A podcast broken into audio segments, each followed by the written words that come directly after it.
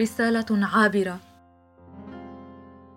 لأنني لست بالذكاء الذي أبدو عليه ولا بالغباء الذي يثير الضحك.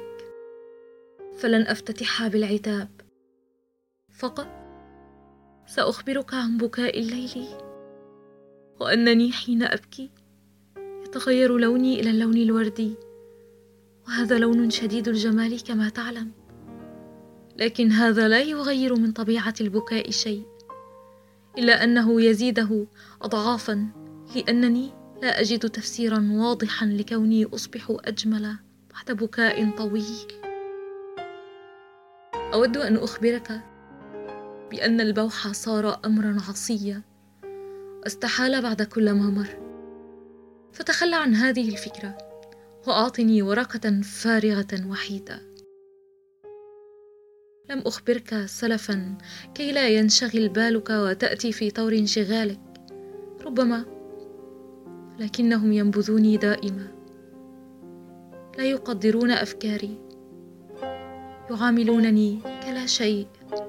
وأحيانا كشيء عابث مجنون. لا تكترث لي المجتمعات كافة. ويصمون آذانهم عن صراخي.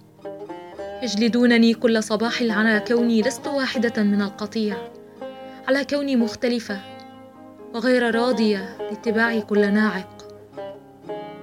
كلهم نسخ مقررة لا اختلاف لا آلام جديدة لا دروس ثمنها غال كلفتهم جزءا باهظا من أرواحهم.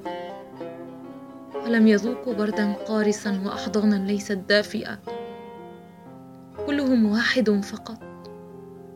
وأنا لست بواحدة. ربما أكثر بكثير.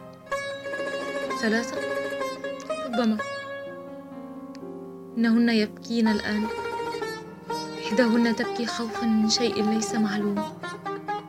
والثانيه تبكي غيابك الطويل والأخرى تبكي املا أن تصير واحدة. أسأل بإشفاق حرب بالداخل وحرب بالخارج. بل أكثر من هذا بكثير. حروب بلا انفجارات وحروب بلا دوية أو طلق نيران. ربما حروب بقتل صامت فقط. واحدة منهن اعتادت الألم وصارت قاسية. وتلك التي تتعامل مع كل الذين احبوها واحدة ضعيفة وتبكي كل ليلة.